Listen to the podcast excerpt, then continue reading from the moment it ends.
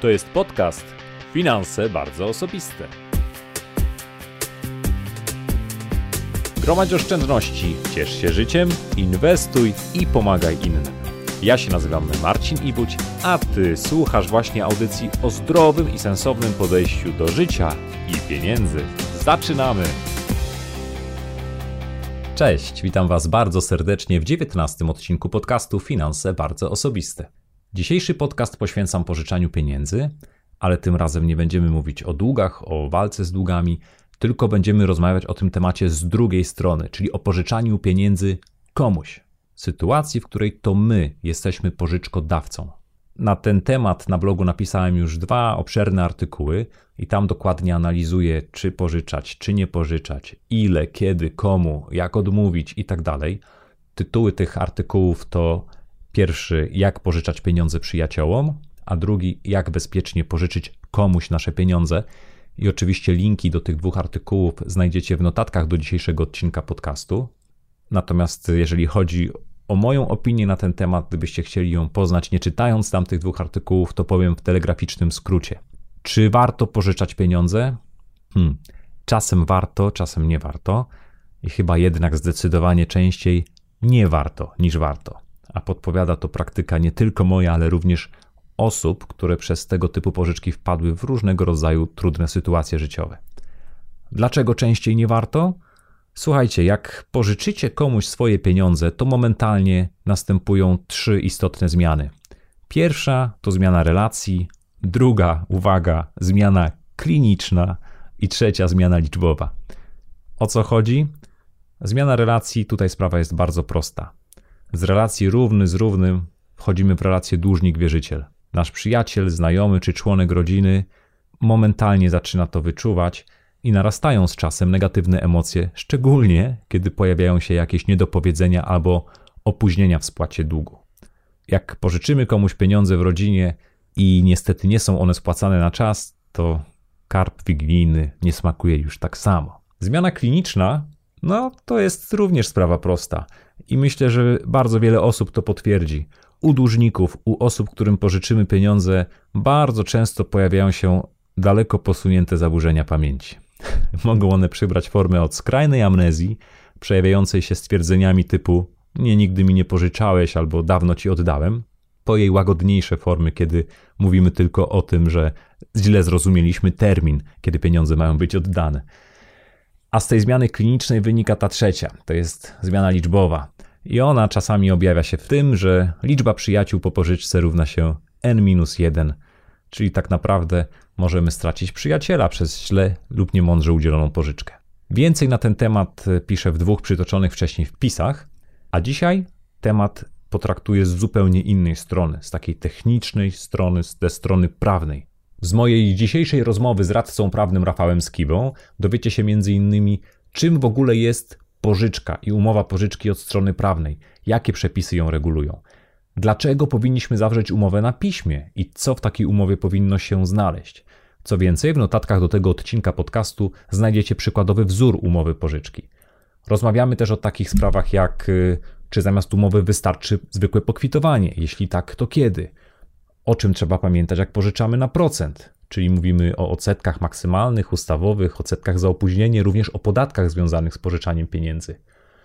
E, wreszcie rozmawiamy też o tym, jak starać się odzyskać pieniądze w sytuacji, w której pożyczyliśmy na tak zwaną gębę, a nawet o tym, po jakim czasie przedawniają się roszczenia z tytułu pożyczania pieniędzy i kiedy już tych pieniędzy niestety najpewniej nie odzyskamy.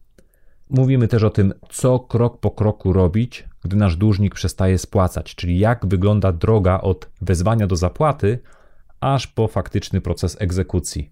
No i na końcu również jakie zapisy umowne i zabezpieczenia mogą nam pomóc w szybszym odzyskaniu pieniędzy. Tutaj poruszamy temat poręczenia, zgody współmałżonka, poddania się egzekucji, zastawu, hipoteki, weksla itd. Tak Słowem specjalnie dla Was naszpikowana praktycznymi informacjami rozmowa z prawnikiem, do wysłuchania której bardzo serdecznie zapraszam.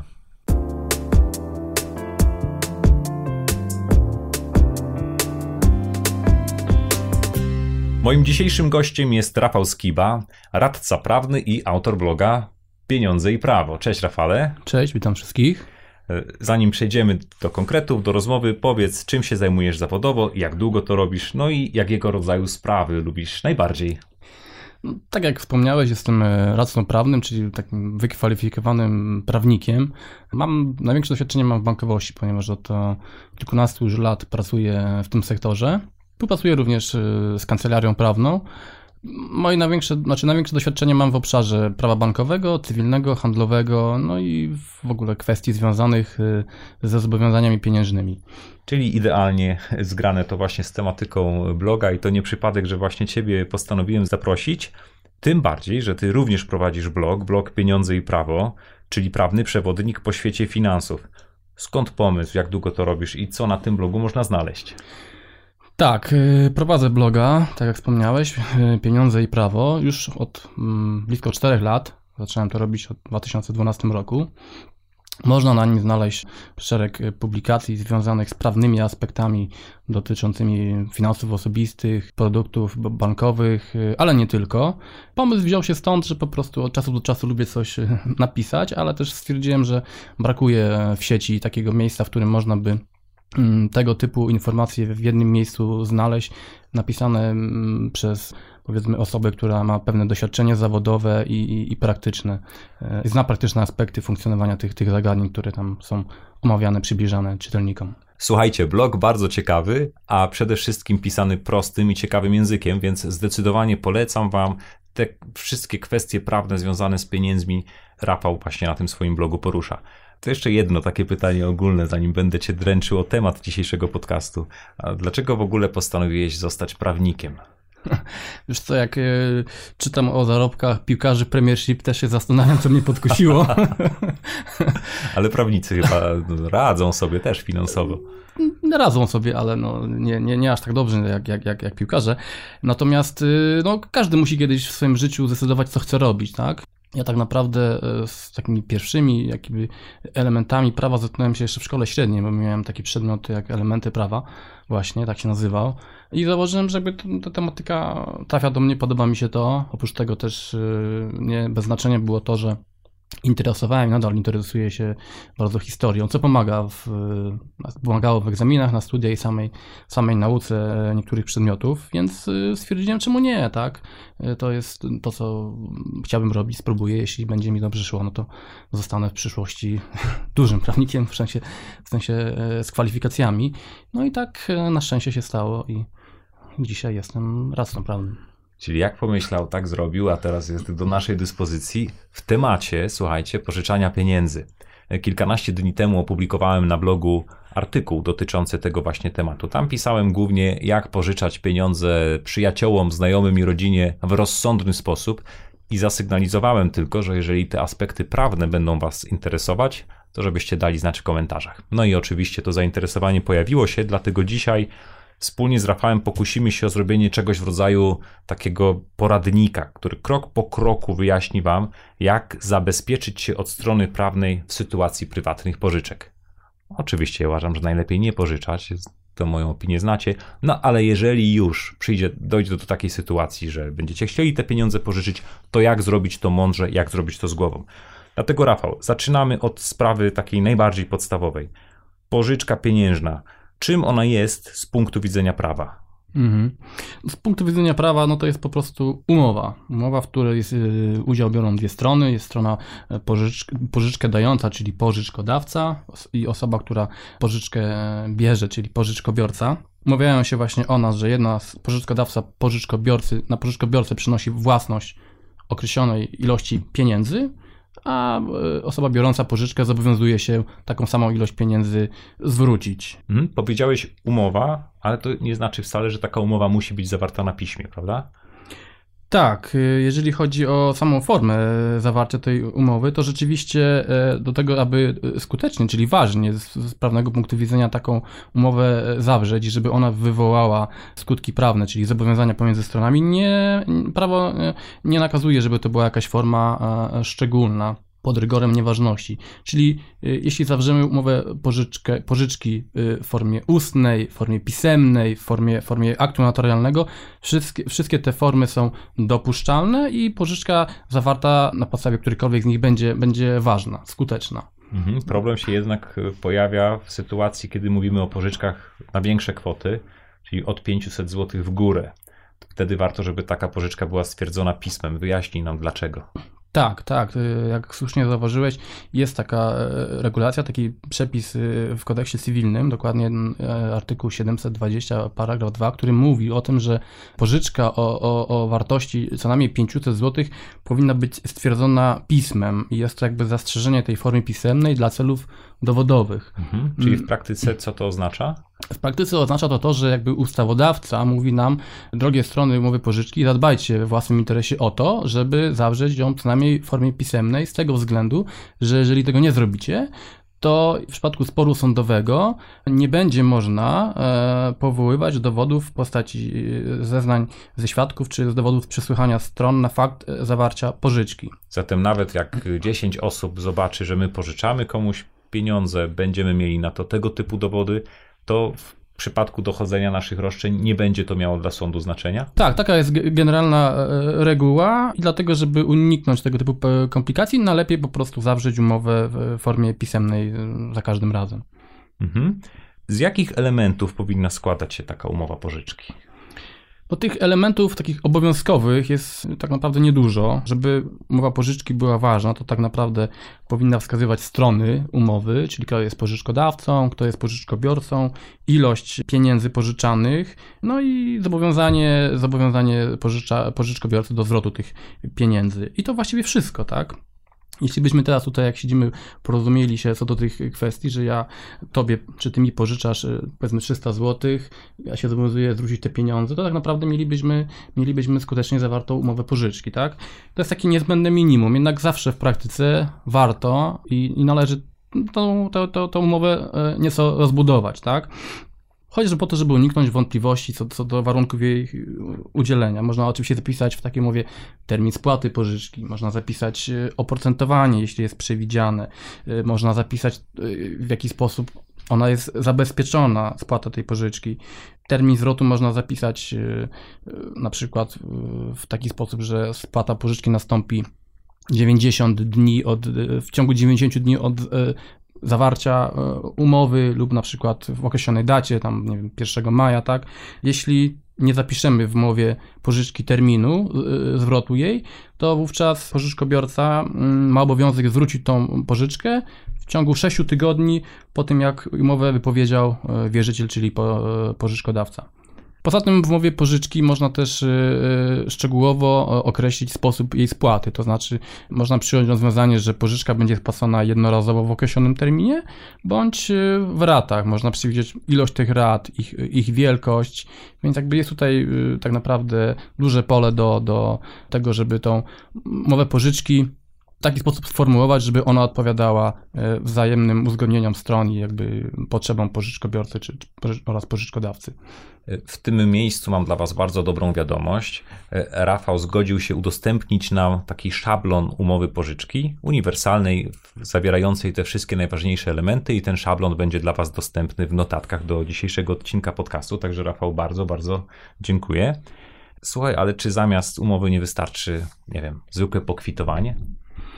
Mm, niewątpliwie najlepiej jest mieć umowę w formie pisemnej, taką umowę z prawdziwego zdarzenia. No, niekiedy tak się zdarza, że albo się krępujemy, albo nie chcemy sobie zapytać, zapro, e, znaczy zaprzątać głowy tym, żeby taką umowę spisywać. Wówczas rzeczywiście jest tak, że, e, że to pokwitowanie, czyli jeśli e, pokwitowanie pożyczkobiorcy który stwierdza, że kwituje odbiór, otrzymał, tak, pożyczkę. otrzymał pożyczkę w takiej, takiej wysokości, niewątpliwie poprawia naszą sytuację, tak?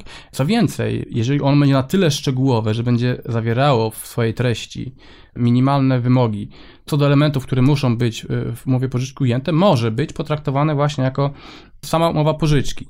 To jest bardzo istotne z punktu widzenia, z punktu widzenia ewentualnego sporu sądowego, który może między stronami pożyczki w przyszłości zaistnieć. No, więc... No, ja myślę, że z myślą o tym przede wszystkim tak. tę umowę piszemy, prawda? Że umowa nas zabezpiecza na wypadek takiego obrotu spraw, e, którego raczej sobie nie życzymy, czyli na ten scenariusz pesymistyczny. A z czego wynika fakt, że sąd nie dopuszcza przy większych kwotach pożyczek, czyli przy pożyczkach powyżej 500 zł, dowodu z zeznań świadków i z przesłuchania stron? No właśnie z tego, o czym już y, wspomnieliśmy na początku naszej rozmowy, z tego przepisu, który mówi właśnie o tym, że powyżej 500 zł, 500 zł jest zastrzeżenie w formie pisemnej dla celów dowodowych i pierwszeństwo mają właśnie dowody pisemne jeśli nie mamy takich dowodów pisemnych, to rzeczywiście no, możemy mieć problem albo, albo pewne trudności w dochodzeniu y, y, pożyczki przed sądem. Na szczęście jest kilka wyjątków od tej jakby reguły, że sąd nie dopuszcza zeznań y, świadka czy, świadków czy stron na mhm. okoliczność zawarcia jakie, pożyczki. Jakie to są wyjątki? Pierwszym wyjątkiem to jest taki, jest taki który polega na tym, że obie strony sporu, czyli gdyby doszło do sporu sądowego między pożyczkodawcą a pożyczkobiorcą, muszą wyrazić na to zgodę. Aha, mm. Czyli, że i ja, i ktoś, komu pożyczyłem, zgadzamy się na to, żeby zeznawali świadkowie. Tak. O tak. to może być trudno. Może być trudne, zwłaszcza jeśli y, strony toczą y, zażarty spór i, i, i, tak. i nie żywią do siebie sympatii. Dokładnie. Y, Drugi wyjątek. Drugi wyjątek to będzie zaistnieje wtedy, kiedy zażąda tego konsument w sporze z przedsiębiorcą, ale jeżeli mówimy tu o pożyczkach między osobami fizycznymi, to ten wyjątek nie będzie miał, nie będzie miał zastosowania. I tak naprawdę e, z praktycznego punktu widzenia najbardziej istotny jest trzeci wyjątek, który polega na tym, że będzie można powołać świadków, czyli, czyli źródła osobowe, e, e, dowody osobowe przed sądem, jeśli fakt dokonania pożyczki będzie uprawdopodobnione za pomocą pisma. Czyli to by było to nasze pokwitowanie, o którym już wspomnieliśmy? Między innymi to by było to nasze pokwitowanie. Może to być jakiekolwiek pismo, w którym będzie wzmianka o tym, jakby upraw podobniająca to, że między stronami rzeczywiście została zawarta umowa pożyczki. E-mail na zasadzie z dzisiu pożyczam ci te 5 tysięcy, czy to zbyt mało? Yy, może być to korespondencja między stronami, w której na przykład wzywamy dłużnika, żeby yy, nam tą pożyczkę oddał, albo wzywamy go, znaczy proponujemy mu jakąś renegocjację warunków, tak? I, i on potwierdza, OK, porozmawiamy na ten temat. Może to być również wydruk systemu bankowego potwierdzający przelewu. przelewu, gdzie w tytule, w tytule przelewu wskazana jest właśnie pożyczka udzielona takiej takiej osobie. Więc y, no, jest tutaj kilka możliwości. Jeżeli nie mamy żadnego, to zawsze można tak spróbować poprowadzić korespondencję z, z dłużnikiem, w, z naszym pożyczkobiorcą opornym, żeby jakby on niejako w sposób dorozumiany lub wyraźny przyznał, że rzeczywiście taka pożyczka między nimi miała miejsce. No i wówczas jakby jesteśmy w lepszej sytuacji, bo upraw podobaniamy za pomocą pisma i resztę dowodów z osób przeprowadzamy. Okej, okay, czyli jak nie mamy umowy, to trzeba się postarać o to, żeby gdzieś na piśmie zaistniał konkretny ślad wskazujący na to, że rzeczywiście my pożyczyliśmy te pieniądze. Dokładnie tak. Jest jeszcze jeden wyjątek, o którym chciałbym wspomnieć, bo może tak się zdarzyć, że mieliśmy umowę, albo ale zjadł nam pies, A, no zabrał, zabrał, zabrał pożyczkobiorca, albo nie wiem, wywiał ją przeciąg y, na zewnątrz, tak? Więc y, jeśli doszło do takiej sytuacji, że mieliśmy umowę, ale ją zgubiliśmy, została ona zniszczona albo zabrana przez osobę trzecią, to wówczas również możemy e, powoływać już dowody osobowe przed sądem, jeżeli udowodnimy to okoliczności, że właśnie mieliśmy umowę, no ale żeśmy ją utracili. To jest jakby kolejna, kolejna sytuacja awaryjna, która, która może zadziałać na naszą korzyść, jeśli umowę mieliśmy, ale już niestety jej nie mamy. Czyli mamy cztery bardzo konkretne wyjątki, przy czym zdecydowanie lepiej jest nie musieć z nich korzystać y, i mieć po prostu umowę. Ale Dokładnie powiedz, tak. czy, czy to w praktyce faktycznie będzie wyglądało tak, jeżeli już nie mamy żadnego dowodu i nie zaistnieje żaden z tych czterech wyjątków, że mamy świadków, mamy osoby, które widziały, jak my konkretnie z ręki do ręki przekazywaliśmy tę pożyczkę i mówimy to przed sądem. I co sąd nie weźmie tego pod uwagę? No, może tak się zdarzyć. Druga strona też może te wówczas, e, jeśli by sąd to wziął pod uwagę, e, że kompletnie bez jakichkolwiek dowodów pisemnych została pożyczka udzielona, może podnosić to, nawet gdyby zapadł na nas korzystny wyrok na etapie apelacji, że sąd złamał przepisy, ponieważ, ponieważ nie dochował tego rygoru, tak? Nie jest to zawsze sytuacja beznadziejna, no ale z reguły no, lepiej mieć jakikolwiek chociaż lat pisemny, jakąś zmiankę, jakąś chociaż jakiś y, rodzaj zapisku, że, że pożyczka rzeczywiście miała miejsce. Oczywiście każda sprawa jest inna, tak, ale lepiej, lepiej dmuchać na, na zimno.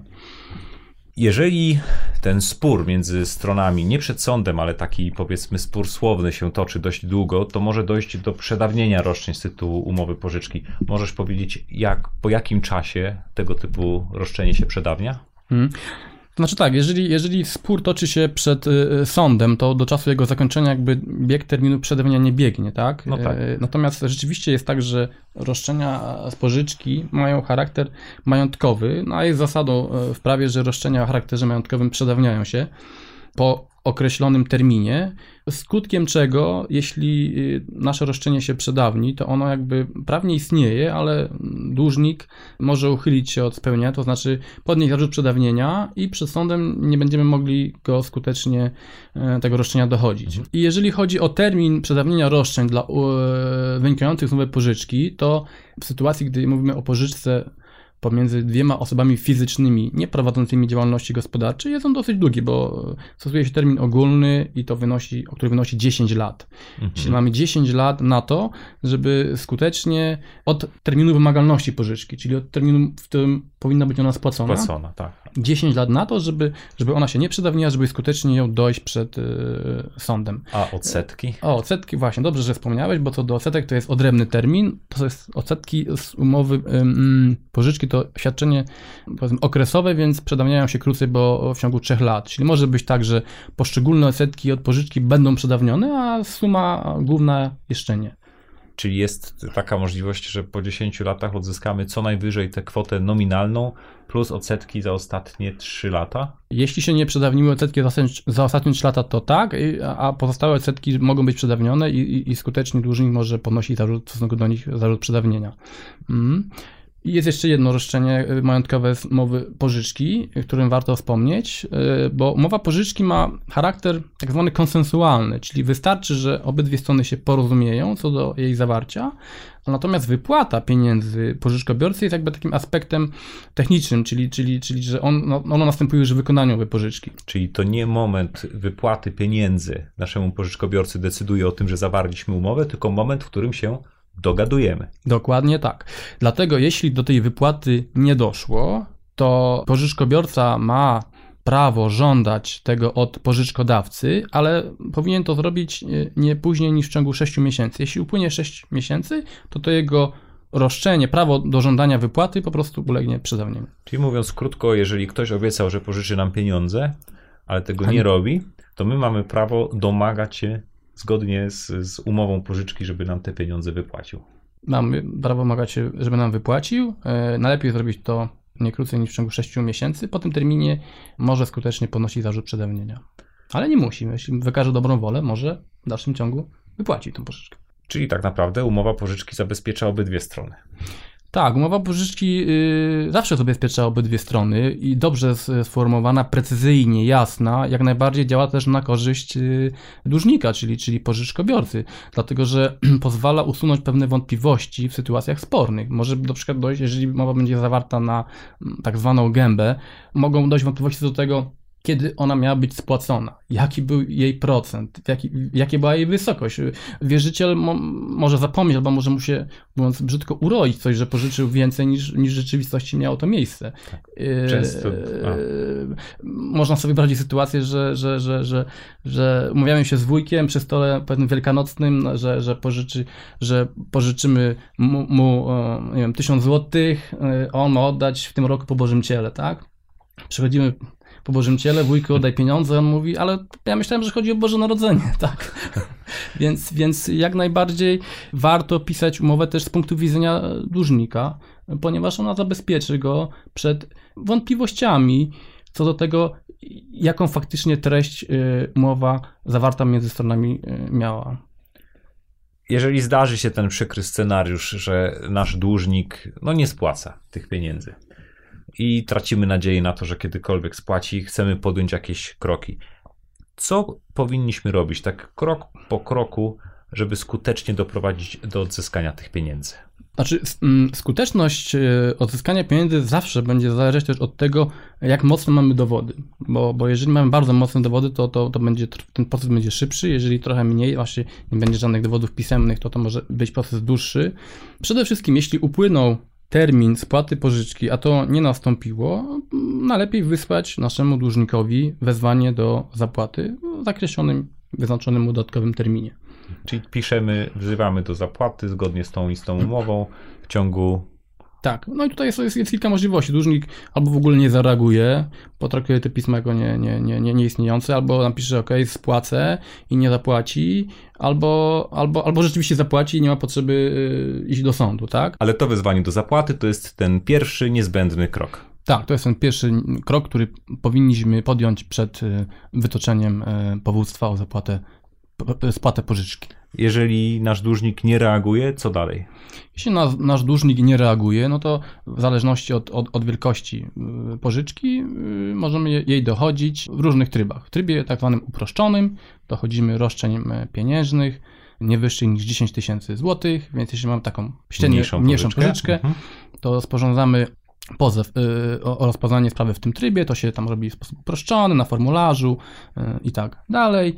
Jeśli sąd y, uzna nasze dowody przytoczone, załączone, przytoczone w pozwie za, za, za zasadne, to wydaje nakaz zapłaty, którym nakazuje pożyczkobiorcy spłatę pożyczki w terminie wskazanym w nakazie albo żeby wniósł w tym e, e, terminie sprzeciw od nakazu zapłaty. Tak?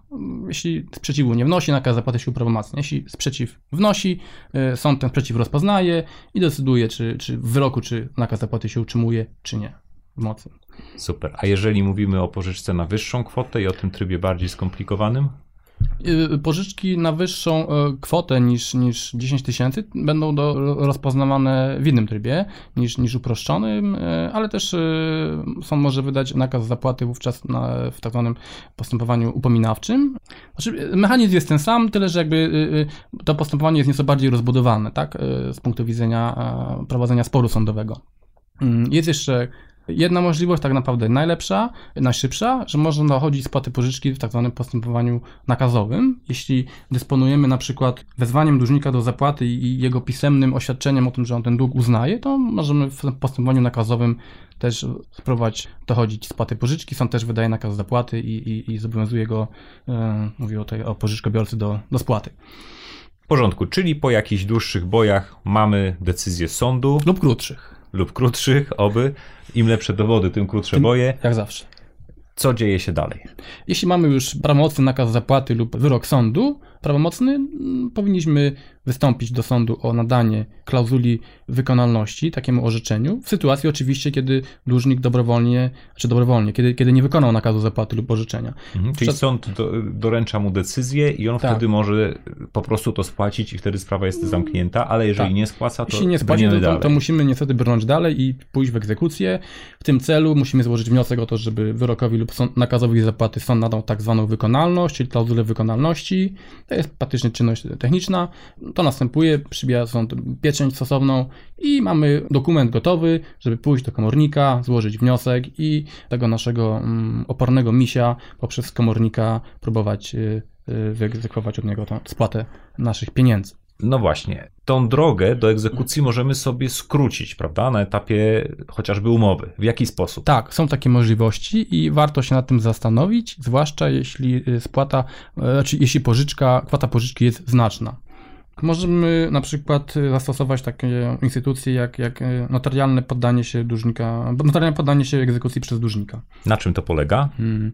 No jest to takie oświadczenie spisane w formie aktu notarialnego przed notariuszem, w którym dłużnik poddaje się egzekucji w sytuacji, gdyby nie spłacił y, pożyczki. Tak? Mhm. Wówczas wierzyciel ma prawo z tego dokumentu skorzystać i jest ten taki dokument, jest tak naprawdę równoważny w skutkach wyrokowi sądowemu, czyli omijamy tą drogę zasądzenia wierzy, y, wierzytelności przez sąd. Idziemy tylko Od po razu, pieczątkę. Tak, idziemy, ten, ten akt notarialny składamy, y, składamy y, wniosek o wydanie na klauzuli wykonalności, tak jak gdyby to był wyrok.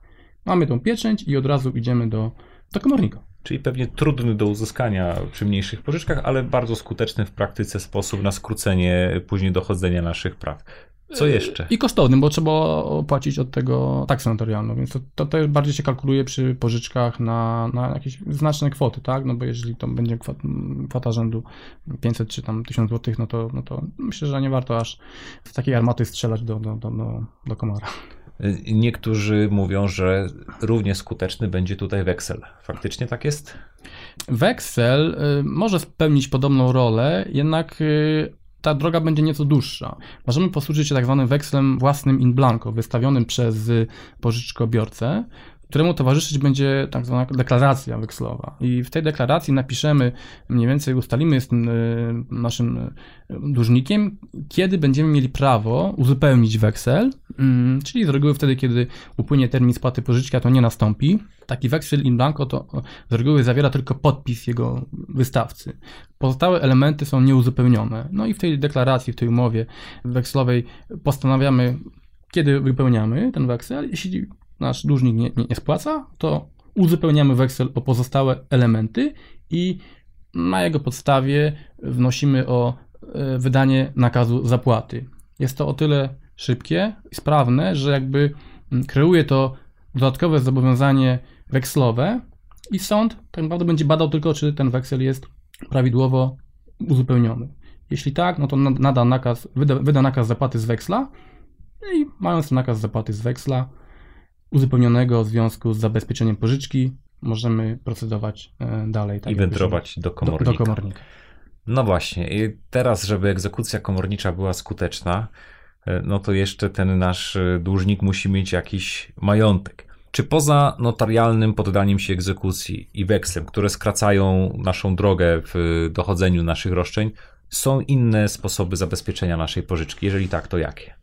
Tak, y, bo jakby prawo tutaj w żaden sposób nie, nie, nie, nie decyduje i nie, nie zakazuje ani nie nakazuje stosować określonych y, y, zabezpieczeń. Tak, Mamy, powiedzmy tak, o tych, które tak, tak w praktyce rzeczywiście spektrum, da tak. się wprowadzić w taki Porę, Na przykład poręczenie, jak najbardziej. Tak? No, poręczenie polega na tym, że, że, że inna osoba niż dłużnik zawiera umowę, tak składa oświadczenie wobec, wobec pożyczkodawcy w tym wypadku, że spłaci tą pożyczkę w sytuacji, gdyby pożyczkobiorca tego nie uczynił. Czyli jakby uzyskujemy takiego dodatkowego e, dłużnika na wypadek. Solidarny dłużnik. Tak, solidarny który... dłużnik. E, jeśli nie płaci główny dłużnik, to powinien spłacić ten e, nasz poręczyciel w tym wypadku.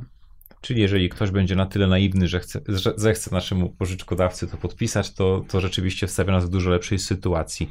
Jeszcze przy poręczeniu chciałem zapytać o zgodę współmałżonka, bo ona też nie jest bez znaczenia, prawda, w przypadku egzekucji. Tak, zgoda współmałżonka w ogóle przy zaciąganiu zobowiązań pieniężnych, czy to będzie poręczenie, czy samo zaciągnięcie pożyczki, tak, y, jest też, y, może okazać się istotna, bo generalna zasada y, obecnie w prawie jest taka, że małżonek nie odpowiada co do zasady mm, za długi swojego współmarzonka zaciągnięte bez jego zgody. Tak? Czyli, czyli jeśli udzieliłby poręczenia bez zgody małżonka albo zaciągnął pożyczki bez zgody małżonka, to wierzyciel, czyli w tym wypadku osoba dająca pożyczkę, będzie mogła dochodzić jej spłaty tylko z majątku oddzielnego tego e, dłużnika i tam z dochodów z, e, z pracy i z, innych, i z innych źródeł zarobkowych. Natomiast nie będzie mógł sięgnąć ten nasz wierzyciel, pożyczkodawca do majątku wspólnego małżonków. Tak? Żeby móc to zrobić, e, są trzy masy tak naprawdę. Oddziel, majątek tak. oddzielny każdy małżonków i wspólność, i wspólność. Nie będzie mógł sięgnąć do, do, te, do, tego majątku wspólnego. Dlatego warto, jeśli mamy znaczną pożyczkę, taką zgodę mieć, najlepiej oczywiście udzieloną na piśmie. I wówczas Wówczas mamy prawo zażądać spłaty pożyczki również, dochodzić spłaty pożyczki również z majątku wspólnego. wspólnego. Mhm. A czy takie zabezpieczenia jak y, zastaw czy hipoteka będą miały zastosowanie? Jeżeli tak, to no jak to praktycznie można wdrożyć? Tak, zastaw i hipoteka to są tak zwane rzeczowe zabezpieczenia. No, hipoteka to wiadomo, no, jej przedmiotem jest nieruchomość, więc jeżeli mamy taką sytuację, że udzielamy jakąś pożyczkę, ona jest całkiem spora, jedynym majątkiem, zasadniczym składnikiem majątkowym dłużnika jest jakaś nieruchomość, mieszkanie czy dom, no to warto się zastanowić, czy, czy właśnie nie ustanowić hipoteki. Wówczas y, jest, wpisuje się tą hipotekę w dziale czwartym Księgi Wieczystej, i wierzyciel dający pieniądze, w tym wypadku pożyczkodawca, będzie miał prawo z tego składnika majątkowego się zaspokoić na wypadek, gdyby pożyczka nie została spłacona. Taka hipoteka jest ustanawiana w formie aktu notarialnego tak. również? Masz rację, hipoteka jest ustanawiana w formie aktu notarialnego, czyli w tym wypadku przed notariuszem. Warto też wtedy to połączyć z poddaniem się egzekucji osoby, która ustanawia hipotekę y, w odniesieniu do tej y, nieruchomości, czyli to też jakby uprości później egzekucję z nieruchomości. Więc hipoteka jak najbardziej. A jeżeli nasz przyjaciel któremu pożyczamy pieniądze, ma fajny motor, to możemy się postarać o zastaw. Możemy się postarać o, o zastaw, e, zastaw cywilny lub rejestrowy. No zastaw jest podobny w swoim działaniu do hipoteki, tyle że po prostu odnosi się do, do rzeczy ruchomej. Tak? Wówczas e, spisujemy umowę, zastawu, że, y, że ten oto motor jest, jest zabezpieczeniem pożyczki i oczywiście też najlepiej to połączyć z poddaniem się y, egzekucji z tego motoru i w sytuacji, gdyby mm, dłużnik nie płaci, mamy prawo sięgnąć po, po, tą, po tą rzecz, po ten motocykl i po prostu w trybie egzekucji zaspokoić się z niego, czyli sprzedać i, i, i, i pieniądze przeznaczyć na spłatę pożyczki. No dobrze, jeszcze jeden temat, bo tak e, już wyobrażam sobie po prostu te wszystkie straszne sceny, które mają miejsce w sytuacji, kiedy dochodzimy swoich praw i staramy się odzyskać te środki i ten komornik i, i ta walka z naszym byłym znajomym, przyjacielem czy szwagrem, któremu już nie możemy patrzeć w oczy. Którego już wyłączyliśmy e, tak, z, z, ze znajomych, naszej rodziny. znajomych na Facebooku.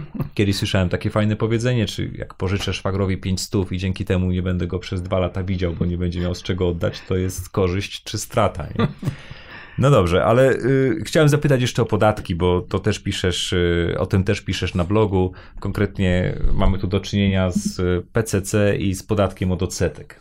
Tak, są, są dwie kwestie podatkowe, które należy y, przy pożyczce wziąć pod uwagę. Pierwszy no to jest właśnie to, o czym wspomniałeś, tak zwany podatek od czynności cywilnoprawnych.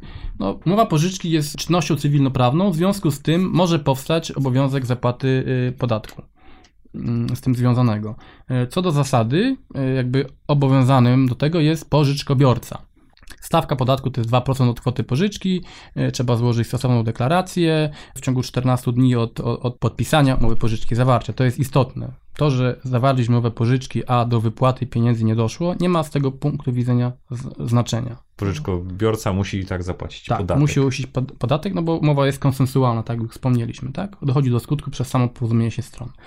Na szczęście jest też tak, że e, w tym kręgu najbliższym e, tego podatku niekiedy płacić nie trzeba. Tak? Jeśli mamy e, pożyczkę relatywnie powiedzmy średniej wysokości, tam do, bodajże do 9637 zł, mhm zawarto pomiędzy osobami zaliczonymi do tak zwanego pierwszego, pierwszego kręgu, kręgu podatkowego, pierwszej grupy. Tak, no to wówczas tej pożyczki, tego, tego podatku nie trzeba płacić, czyli nie, nie robimy nic w tej sytuacji.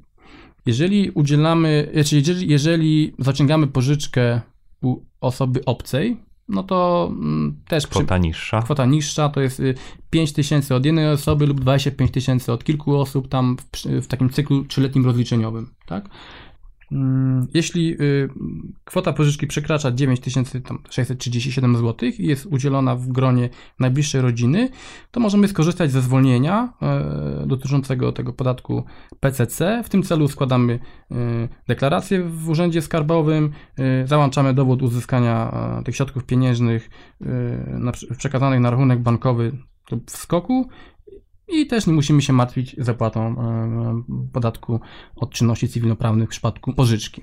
Jest, jest też druga kwestia, o której, którą, którą, e, której wspomniałeś. Dotyczy ona podatku e, zryczałtowanego od odsetek w przypadku pożyczki oprocentowanej, ponieważ te, te, te, te odsetki są kwalifikowane jako, jako, jako przychód kapitałowy. W związku z tym w tym wypadku pożyczkodawca, bo to on otrzymuje e, tak, ma dochód, dochód w formie pożyczek, odsetek. Mhm. Zobowiązany jest je rozliczyć samodzielnie, tam złożyć stosowne, e, stosowny formularz, bodajże tam 36, mm, tak? I, i, i, i, I tak jak przy podatku Belki 19% podatek Dokładnie jest ten sam, ten sam mechanizm. To powiedzmy jeszcze tylko o tym, że e, kiedy zawieramy umowę pożyczki i tam chcemy zdefiniować jej oprocentowanie, no to też tutaj są konkretne regulacje. Nie możemy sobie dowolnie wysokiego tego oprocentowania wpisać. Tak, tak rzeczywiście jest. Przewidując oprocentowanie w pożyczce, musimy pamiętać o tym, żeby nie przekroczyć tak zwanych odsetek e, maksymalnych. Tak? Odsetki maksymalne obecnie wynoszą dwukrotność odsetek ustawowych i to będzie 10%. Jeśli zastrzeżemy wyżej niż te odsetki maksymalne, niż 10%, to i tak pożyczkodawcy będą należały się będzie należało się nie więcej niż 10% w skali roku. Natomiast jeśli przewidzimy w umowie pożyczki, że jest ona oprocentowana, a żadnej stawki odsetek nie określimy, to wówczas należą się odsetki ustawowe. I odsetki ustawowe od, od początku tego roku naliczane są według, obliczane są według, mechanizm, według mechanizmu stopa referencyjna NBP i 3,5 punkta procentowego, czyli wynoszą 5%. Przy zastrzeganiu tych odsetek wiadomo, najlepiej też napisać, kiedy, no, określić, kiedy mają być płatne, czy jednorazowo, czy, czy, czy, czy, czy równocześnie ze spłatą sumy głównej.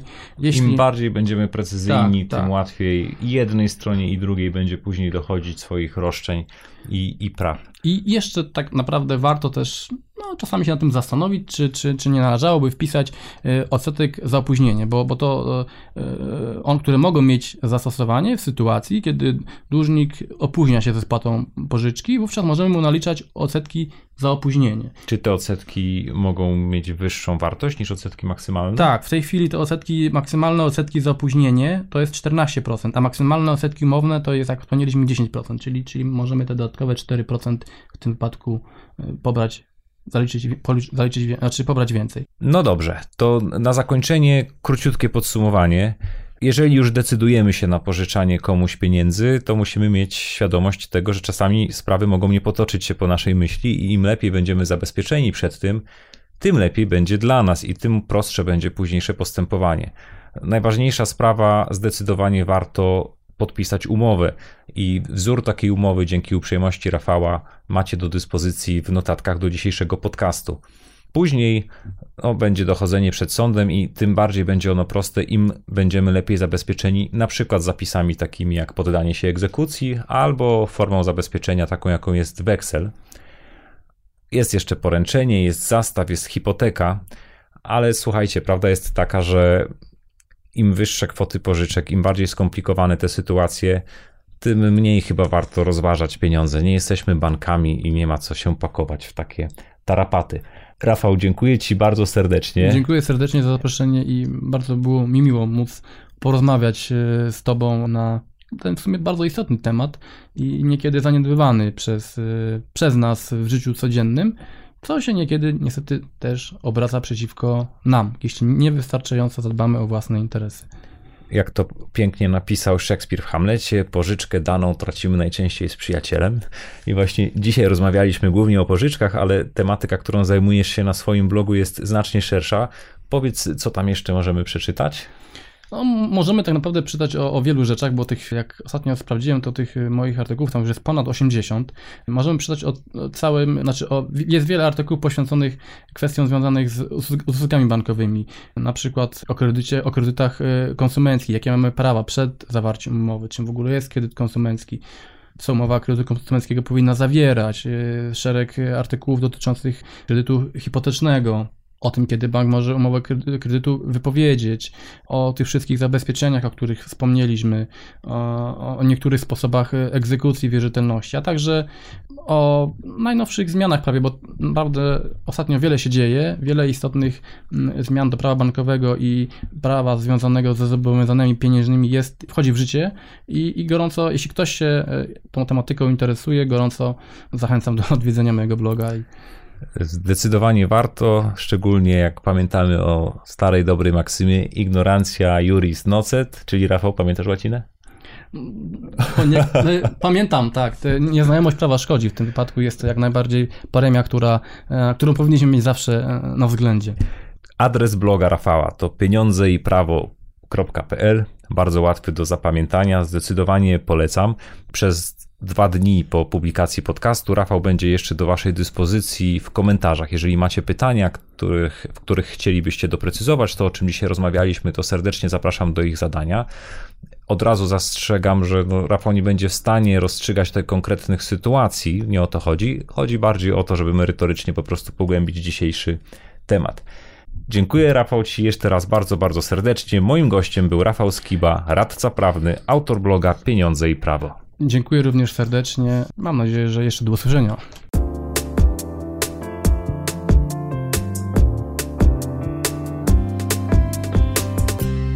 I jak wasze wrażenia po wysłuchaniu rozmowy? Trochę tego jest, prawda? Ale jeżeli wy lub ktoś z waszej rodziny planuje pożyczyć komuś pieniądze, to zdecydowanie warto posiadać tę wiedzę, zastanowić się, pomyśleć i naprawdę dobrze do tego przygotować. To jest właśnie ten zdrowy rozsądek przy podejmowaniu finansowych decyzji, na który tak zawsze was uczulam i o który wręcz apeluję czasami.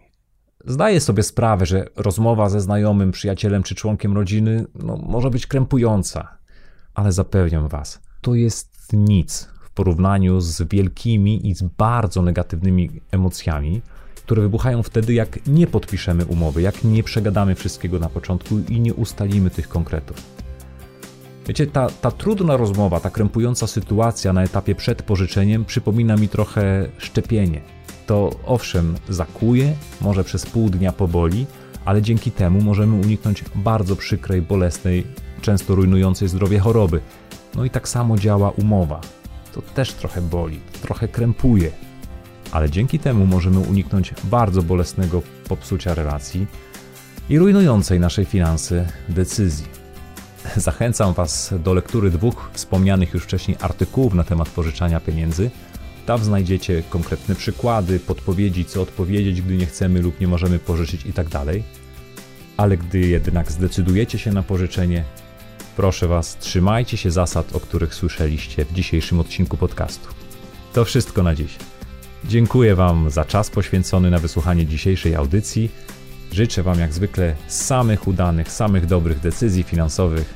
Wszystkiego dobrego, trzymajcie się, cześć.